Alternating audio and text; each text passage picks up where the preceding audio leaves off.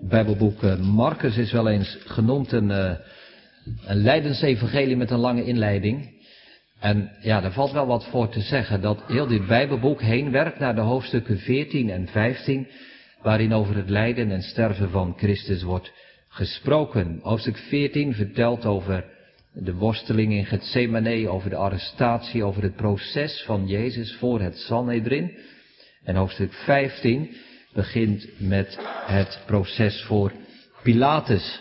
Eerst dus een godsdienstig proces en daarna een politiek proces. Eerst voor de, zou je kunnen zeggen, de kerkelijke rechtbank en daarna voor de wereldlijke rechtbank. Daarover gaan wij lezen hoofdstuk 15, vers 1 tot en met 15. En terstond, s morgens vroeg, hielden de overpriesters te samen raad met de ouderlingen en schriftgeleerden en de gehele raad. En Jezus gebonden hebbende, brachten zij hem over en gaven hem aan Pilatus over. En Pilatus vraagde hem, zijt gij de koning van de Joden? En hij antwoordende zei tot hem, gij zegt het. En de overpriesters beschuldigden hem van vele zaken, maar hij antwoordde niets. En Pilatus vraagde hem wederom zeggende, antwoord gij niet? Zie hoeveel zaken zij tegen u getuigen. En Jezus heeft niets meer geantwoord, zodat Pilatus zich verwonderde.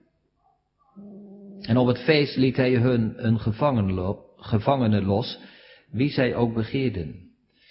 En er was één genaamd Barabbas, gevangen met andere mede-oproermakers, die in het oproer een doodslag gedaan had. En de schade riep uit en begon te begeren dat hij deed gelijk hij hun altijd gedaan had. Pilatus antwoordde hun zeggende, wilt gij dat ik u de koning de Joden loslaat? Want hij wist dat hem de overpriesters door nijd, door jaloezie overgeleverd hadden. Maar de overpriesters bewogen de scharen dat hij hun liever Barabbas zou loslaten. Pilatus antwoordende zei wederom tot hen, wat wilt gij dan dat ik met hem doen zal, die gij een koning der Joden noemt? En zij riepen wederom, kruis hem. Doch Pilatus zei tot hen, wat heeft hij dan kwaads gedaan? En zij riepen te meer, kruis hem. Pilatus nu, willende de schade genoeg doen, heeft hun Barabbas losgelaten en gaf Jezus over, als hij hem gegezeld had, om gekruist te worden. Tot zover de lezing van de schrift. De tekst voor de preek is vers 12, Marcus 15 vers 12 en Pilatus antwoordende zei wederom tot hen, wat wilt gij dan dat ik met hem doen zal die gij een koning de Joden noemt? Boven de preek schrijven we als het thema, wat moet ik met Jezus doen? Wat moet ik met Jezus doen? Dat is de vraag van Pilatus. Hij weet er eigenlijk niet goed raad mee. Wat moet ik met Jezus doen? In de eerste plaats, Pilatus vindt Jezus onschuldig. Dat is wel duidelijk. Wat heeft hij, zegt hij in vers 14, wat heeft hij dan kwaads gedaan? Dus als rechter laat hij merken dat hij Jezus niet schuldig vindt. In de tweede plaats, Pilatus vindt Jezus wereldvreemd. Hij snapt van deze man weinig en zegt vers 5, hij verwondert zich. En ten derde, Pilatus vindt Jezus onbelangrijk, want als hij uiteindelijk een beslissing moet nemen, valt hij wel zo uit dat hij Jezus overgeeft om gekruist te worden. Gemeente, wij schrijven boven de preek, wat moet ik met Jezus doen? Onze eerste gedachte, Pilatus vindt Jezus onschuldig. Er zijn slechts twee mensen die met naam en toenaam een plaats gekregen hebben in de beleidenis van het algemeen ongetwijfeld en christelijk geloof. Elke zondag als de christelijke gemeente met de twaalf artikelen beleidenis doet, hij zich daarmee voegt in de beleidenis van de wereldwijde kerk, worden daar de namen genoemd van Vader, Zoon en Heilige Geest. Ik geloof in God de Vader en in de Zoon en in de Heilige Geest. En met die namen van Vader, Zoon en Heilige Geest worden twee mensen nog met namen genoemd. De eerste daarvan is Maria. De tweede is Pilatus. geboren uit de maagd Maria, die geleden heeft onder Pontius Pilatus. Maria, dat kunnen wij begrijpen. De gezegende onder de vrouwen, heeft de engel gezegd. De vrouw die gezegd heeft, mij geschieden naar uw woord. Dat is Maria. En die tweede die daar ook genoemd wordt is Pilatus. De man die de vraag stelde, wat moet ik met Jezus doen? Over deze Pilatus zal het vanmorgen gaan. Wij weten gemeente, als wij uh, dit Leidensevangelie lezen, Marcus 15 tot ons door laten dringen, dat er veel meer gebeurt dan alleen de beslissing van ene Pilatus, die Jezus overgeeft om gekruisigd te worden. Wij weten dat hier het plan van God tot vervulling komt. Naar de raad en de voorkennis van God zal Petrus laten zeggen. Wij weten dat hier de gewilligheid van de Heer Jezus allerbelangrijkste is. Wij weten dat op deze manier het koninkrijk van God, het koninkrijk van Christus niet tot een einde komt zoals het lijkt, maar juist zijn kracht en zijn uitwerking zal gaan tonen. Dat is allemaal waar. En toch laten we vanmorgen één, één onderdeel eruit halen, namelijk de afwegingen die Pilatus maakt. Pilatus die een keuze moet gaan maken als Jezus voor hem staat en die beslissing moet gaan nemen over het lot van deze man. De afwegingen die Pilatus maakt. Wat was dat eigenlijk voor een man, gemeente, deze Pilatus? Je kunt nog wel een bepaalde sympathie voor hem hebben. Toch? Als je vergelijkt met die overpriesters en met de mensen van het Sanhedrin, die de hele nacht vergaderd hebben. Aan het einde van hoofdstuk 14 is daarover gesproken. Die op zoek zijn naar valse getuigen en verkeerde beschuldigingen. Die willens en wetens erop uit zijn om deze man te doden. Afgunst, nijd, jaloezie heeft hen bewogen om Jezus tot een einde te brengen. En daartegenover Pilatus. Hij zegt tenminste dat Jezus onschuldig is. In vers 14 kunnen wij dat lezen. Wat heeft hij dan voor kwaad gedaan? Kinderen, eigenlijk zouden we nog wel een beetje, een beetje medelijden met hem hebben, toch? Wel een beetje zielig voor Pilatus. Precies op deze dag dat Jezus daar voor hem staat, precies op die dag heeft zich daar een menigte mensen verzameld voor de rechtbank met de bedoeling om Barabbas vrij te krijgen. Dat lezen we ook. Vers 8. En de schare riep uit en begon te begeren dat hij deed gelijk hij hun altijd gedaan had. Pilatus die had een uh, regel ingesteld dat één keer per jaar iemand vrijgelaten kon worden en hij hoopte daarmee de gunst van het volk te kunnen krijgen. En nog niet zo lang geleden was er een opstand geweest. Een aantal verzetstrijders, zeeloten heten ze, waaronder Barabbas hadden zich verzet en daarbij je doodslag begaan. Ze hadden iemand vermoord, gedood, misschien een Romeinse soldaat of zo. Barabbas was gearresteerd en ter dood veroordeeld. Maar de mensen vonden hem een held. Hij was iemand die tenminste streed voor God en voor de vrijheid.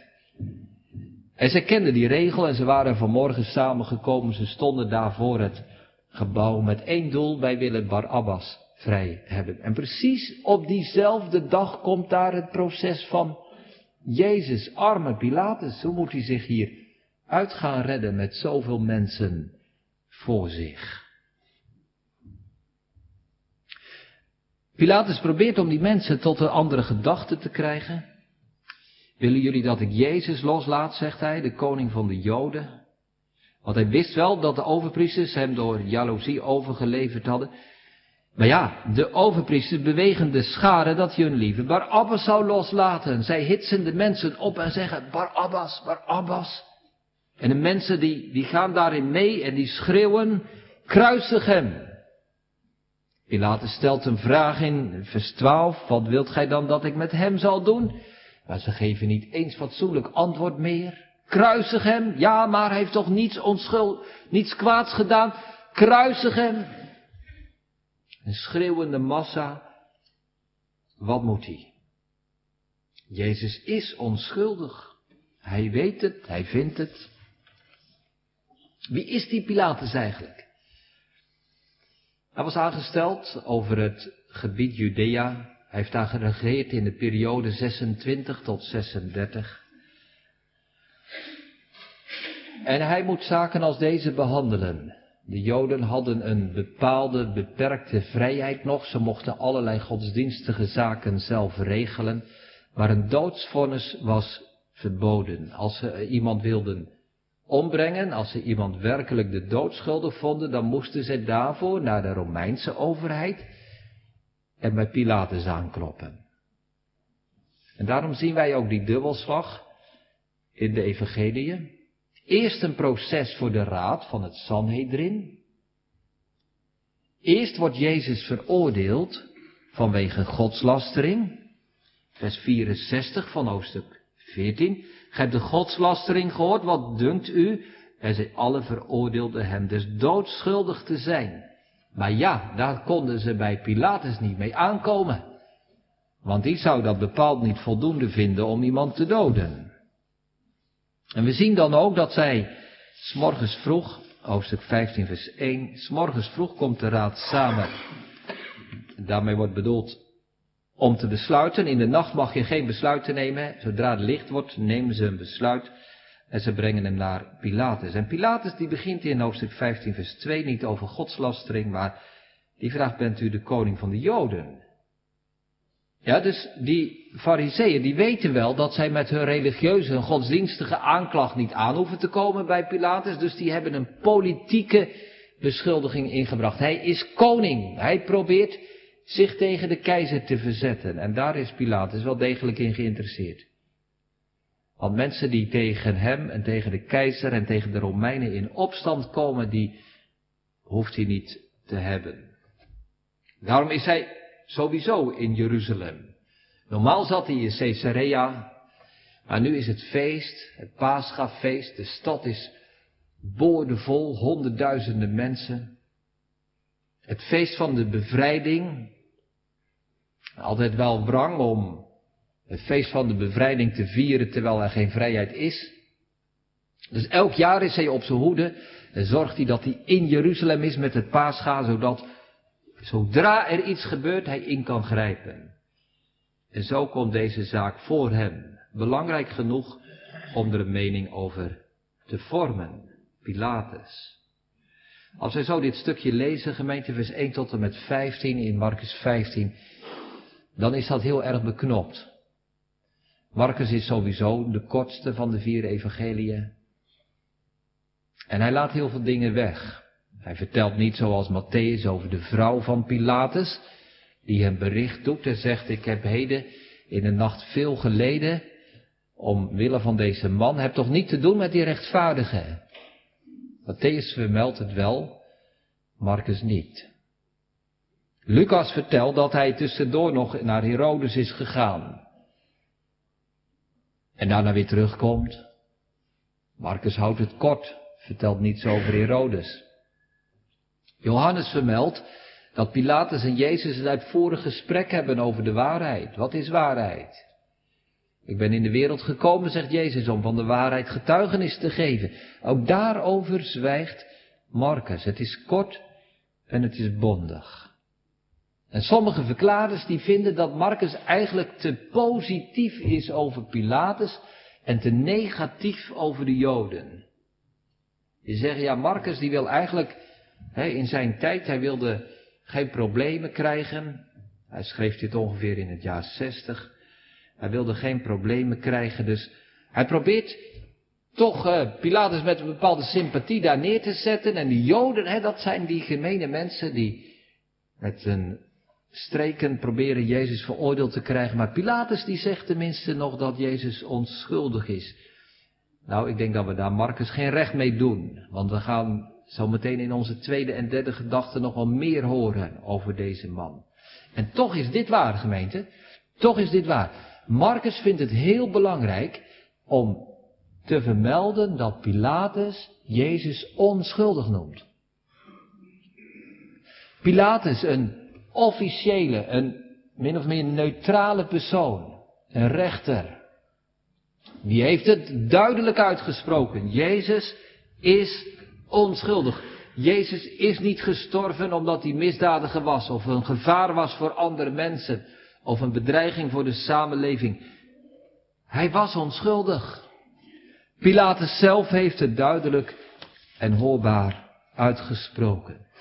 Laten we die lijn trekken naar onszelf, gemeente. Ik denk dat niemand van ons daaraan twijfelt. Jezus was onschuldig. Als wij zo dat evangelie lezen, dan zien wij in het beeld dat Marcus van Jezus geeft, dan zien wij daar een man die geen misdadiger of een crimineel is. Niet een gevaar voor de samenleving. Wie het evangelie tot zich door laat dringen, die ziet een man die zachtmoedig is en nederig van hart, die goed doet aan ieder die bij hem komt, die een woord heeft, een troostend woord voor ellendigen, die doven geneest en blinden, milde handen, vriendelijke ogen. Zo is Jezus. Met innerlijke ontferming bewogen over de scharen. Ieder die het evangelie leest zal dat bijvallen. Maar gemeente, laten we daarmee onze eerste gedachte gaan afronden. Maar juist daarom heeft Pilatus een probleem. Jezus is onschuldig. Als hij schuldig was geweest, was het voor hem eenvoudig geweest. Dan was het gauw beklonken. Had hij Jezus veroordeeld, had hij hem overgegeven, was hij afgevoerd en was hij omgebracht. En kon Pilatus overgaan tot de orde van de dag. Ja, een schuldige misdadiger. Daar moet je korte metten mee maken. Maar dat gaat niet, want Jezus is niet schuldig. Jezus heeft geen kwaad gedaan. En toch ziet hij die mensen daar voor hem en toch moet hij een keuze gaan maken. Wat zal hij doen? Zal hij hem vrijlaten? Zal hij hem loslaten? Zal hij doen waar hij voor is aangesteld om het recht van zwakken te beschermen? Zal hij instaan voor de veiligheid van mensen die onschuldig zijn? Maar ja, dan krijgt hij al die mensen die daar voor hem staan te schreeuwen tegen. Moeilijk, moeilijk. Onze eerste gedachte, Pilatus vindt Jezus onschuldig. We gaan naar onze tweede gedachte. Pilatus vindt Jezus wereldvreemd. Hoe komt het gemeente dat Pilatus toch staat te aarzelen? Waarom laat hij niet eenvoudig los? Omdat hij maar een wereldvreemde man vindt. Een koning. Bent u de koning van de Joden? vraagt hij aan hem. Vertel het mij maar eens. Gij zegt het, zegt Jezus. In vers 2 lezen we dat. Jezus zegt niet, ja, dat ben ik.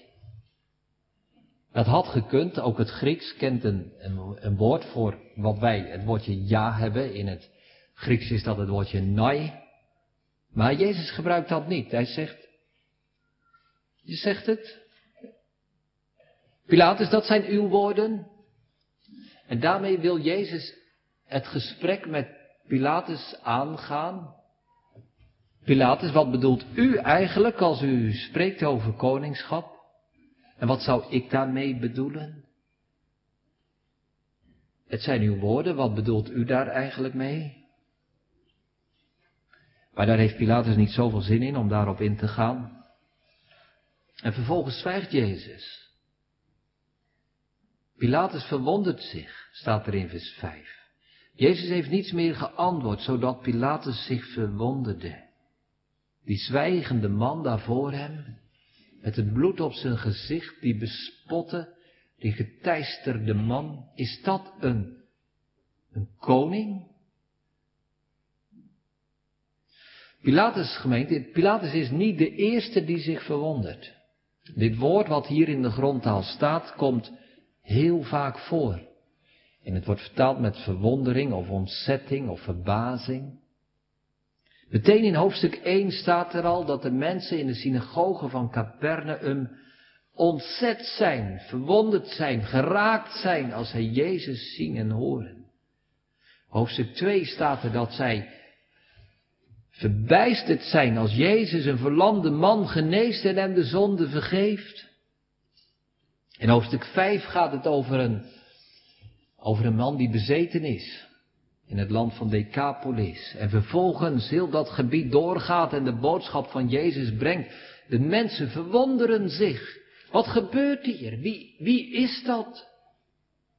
Hoofdstuk 6, vers 2. Jezus predikt in de synagoge van zijn eigen dorp Nazareth en de mensen zijn verwonderd.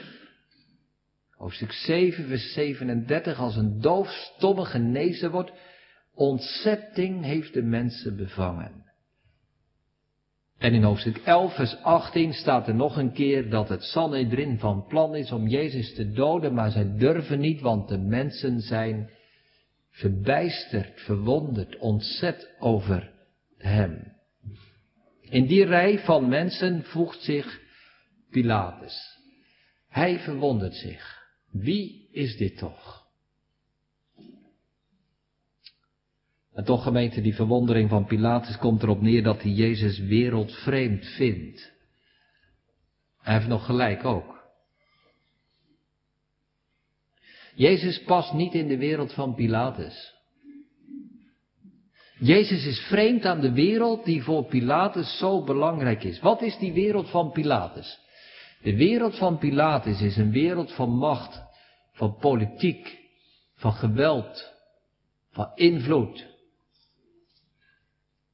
Van hart tegen hart. Van carrière maken. De wereld van Pilatus is een wereld slijmen naar boven, trappen naar beneden. Pilatus denkt bij alles wat hij doet, hoe kan ik hier voordeel uit krijgen? Hoe kan ik mijn eigen plezier en mijn eigen geluk hiermee dienen? Contacten leggen, netwerken aangaan, zo nodig geweld gebruiken, was hij bepaald niet vies van. De wereld van Pilatus is een wereld van harde handen en koude ogen. En de wereld van Jezus is een andere wereld. Hij is wereldvreemd aan die wereld van Pilatus. Kijk, Pilatus die vond godsdienst allemaal prima hoor. Hij had helemaal geen moeite mee.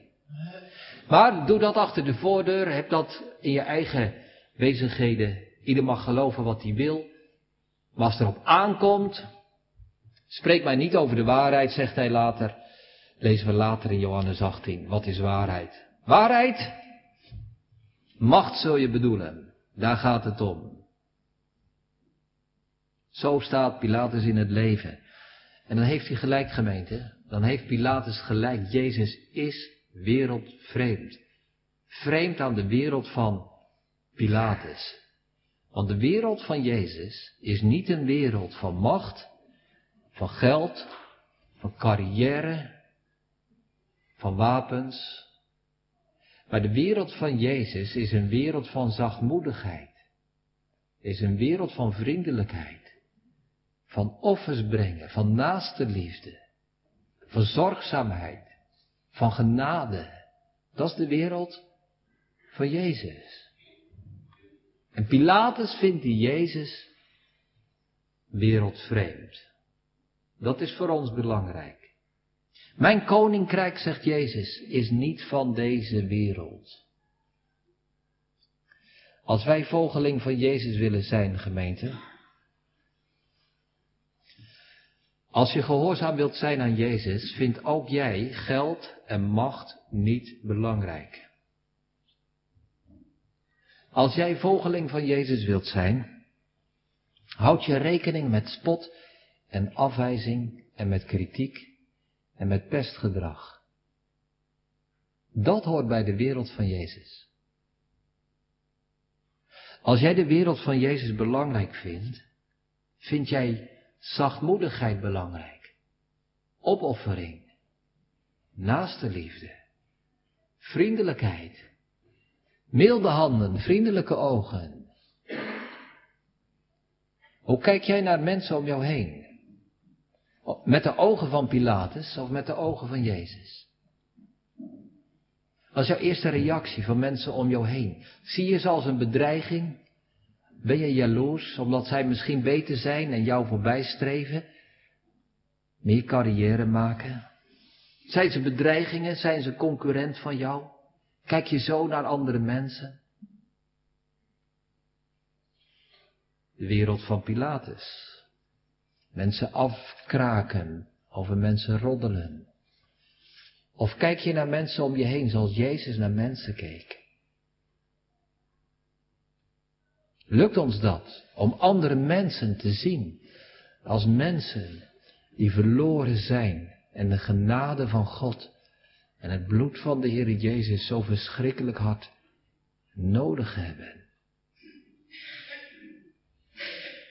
Pilatus vond de wereld van Jezus maar een vreemde wereld. Als we eerlijk zijn, gemeente, vinden wij dat ook. Het is echt niet zo dat dat bij ons vanzelf gaat.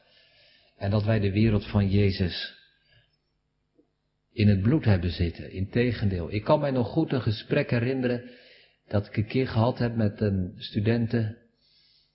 in Rotterdam natuurlijk. Veel studenten die daar studeren. En ik had een gesprek met een meisje. Die zei, ja dominee, als ik dan hier door de stad fiets, en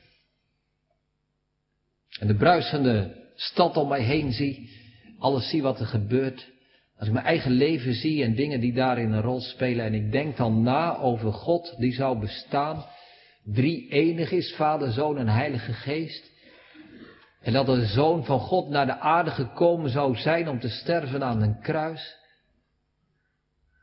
Het past niet, dominee, zegt ze, het klopt niet. Ik krijg dat niet bij elkaar.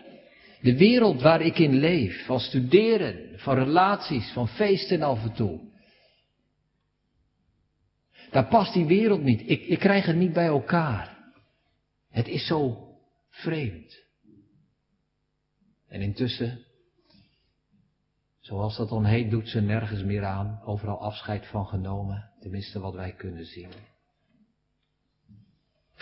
Ik weet nog hoe mij dat raakte, gemeente, omdat ik daar ook wel iets in mijn eigen leven van merkte. Ja, voor mij is die wereld van God en van Christus en van het kruis ook ten diepste wereldvreemd. Dat geldt voor ons allemaal. Het is niet een wereld waar wij zomaar makkelijk ons in bewegen. Maar wij hebben elke keer weer de stem van Christus nodig. En wij moeten elke keer weer de ogen van Jezus zien. Om te bedenken, ja, de wereld van Pilatus is een andere wereld dan de wereld van Jezus. De tweede gedachte, Pilatus vindt Jezus wereldvreemd. We gaan naar onze derde gedachte. Pilatus vindt Jezus onbelangrijk. Wat moet ik met Jezus doen, zegt hij. Arme Pilatus, ja. Je kunt het uitstellen, je kunt even nog een vraag stellen, je kunt even aarzelen, maar er moet een keuze komen. Je moet gaan beslissen. Je moet op de rechterstoel gaan zitten. Je moet een vonnis vellen. Aan de ene kant, Jezus is onschuldig. Aan de andere kant, Jezus is zo wereldvreemd. Wat moet ik gaan doen? Lastig hoor, die twee werelden. Gemeente, waar gaat Pilatus voor kiezen? Welke wereld? De wereld van geld, de wereld van macht, de wereld van geweld, de wereld van de carrière. Of de wereld van zachtmoedigheid. De wereld van naaste liefde. Van liefde voor vijanden. Van opoffering. Waar gaat Pilatus voor kiezen? De wereld van het recht van de sterkste? Of de wereld van het verachten en het onedele en wat niets is? Als erop aankomt is de keuze voor Pilatus niet moeilijk. Waarom niet? Omdat Jezus voor hem niet belangrijk genoeg is. Ja, hij vindt Jezus wel degelijk een intrigerende man. Hij verwondert zich. Wij zouden tegenwoordig zeggen, hij vindt het allemaal interessant. Boeiend. Bijzonder. Er zijn ook nu veel mensen die Jezus bijzonder vinden. Jullie zullen hier, denk ik, in Alberbroek die ervaring ook wel hebben als je bezig bent met evangelisatiewerk.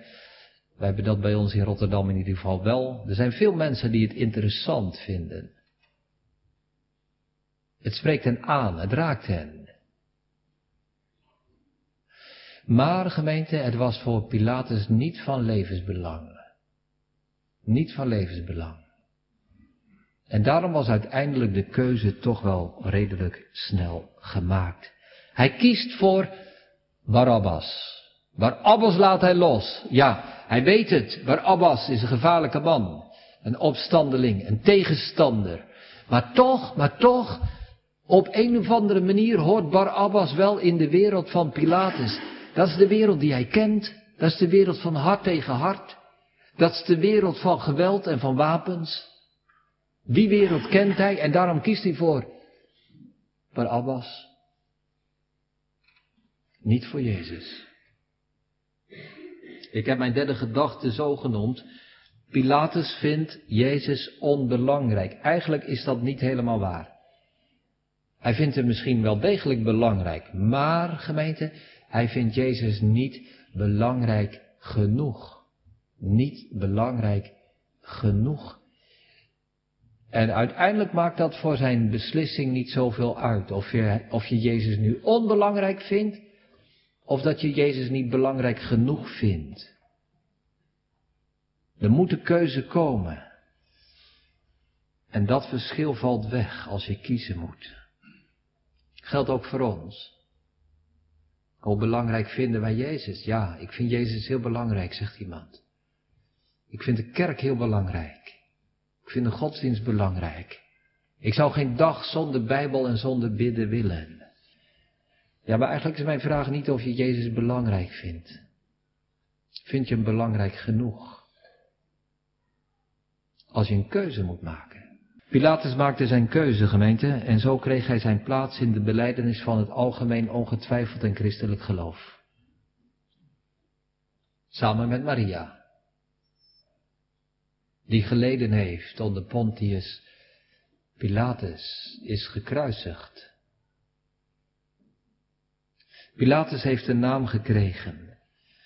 En het lijkt misschien zo als je dit leest, dat Jezus de verliezer is, de zwakkeling, dat Pilatus toch sterker is met zijn wereld van macht en geweld. Hij kan zomaar beslissen over Jezus, dat had hij ook gezegd. Beseft u dat wel, Jezus, dat ik uw lot in handen heb? Ik kan besluiten of je vrijkomt of niet. Het lijkt hier alsof Pilatus het lot van Jezus beslist, maar het is precies andersom. Op dat moment beslist Jezus over het lot van Pilatus. En zo kreeg deze man een plaats in de beleidenis van het geloof tot zijn eeuwige schande.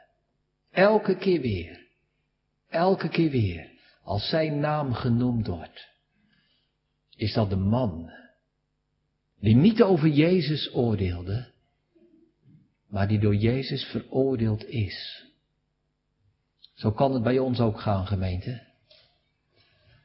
Het lijkt of er niks gebeurt als wij Jezus afwijzen. Maar het ligt ook niet in de aard van het koninkrijk van Jezus, hè? Om ons met geweld te dwingen. Er is vanmorgen hier niemand aanwezig die hier verplicht moet zijn. In die zin staat de deur van de kerk altijd open. Om binnen te komen, ja. Maar ook om weg te gaan. Dat is het koninkrijk van Jezus. Dat is niet het koninkrijk van geweld, van dwingen, van macht, maar het is het koninkrijk van zachtmoedigheid. En als wij Jezus veroordelen, zegt hij niets terug. Maar Jezus oordeelt uiteindelijk toch ons. Nou, dat is de vraag die we elkaar stellen aan het einde van deze dienst. Welke keuze maak jij? In welke wereld wil jij leven? Wilt u leven? In de wereld van Pilatus of in de wereld van Jezus? Denk er eens over na. Als er nu geen combinatie mogelijk is, hè? Het liefst willen we allebei de werelden. Als dat nu niet kan. Is Jezus onbelangrijk voor jou? Nee, zeg je, hij is belangrijk voor mij. Is Jezus belangrijk genoeg voor jou? Om die wereld van Pilatus los te laten, op te geven.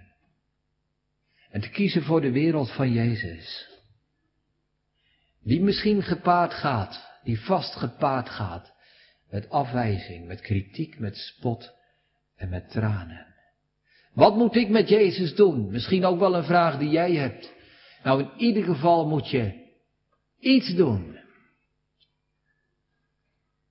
Wij moeten iets met Jezus doen. Wij moeten onze keuze bepalen. Wij moeten ons afvragen hoe sta ik tegenover Hem.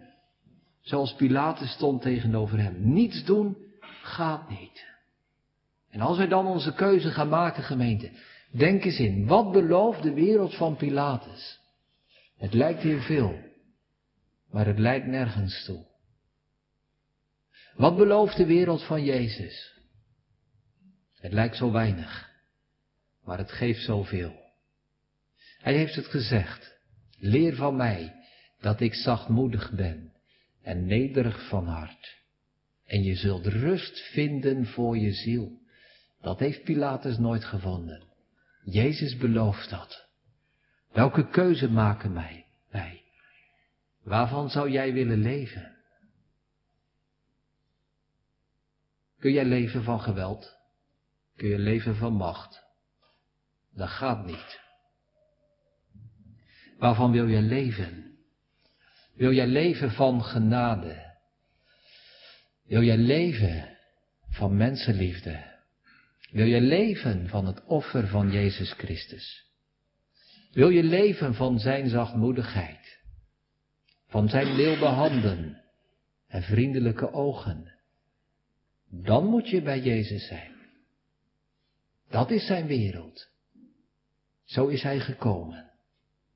Dan belooft hij ons, gemeente, dan zegt hij ons, als wij dan met hem zullen sterven, dan zullen wij ook met hem leven. Amen.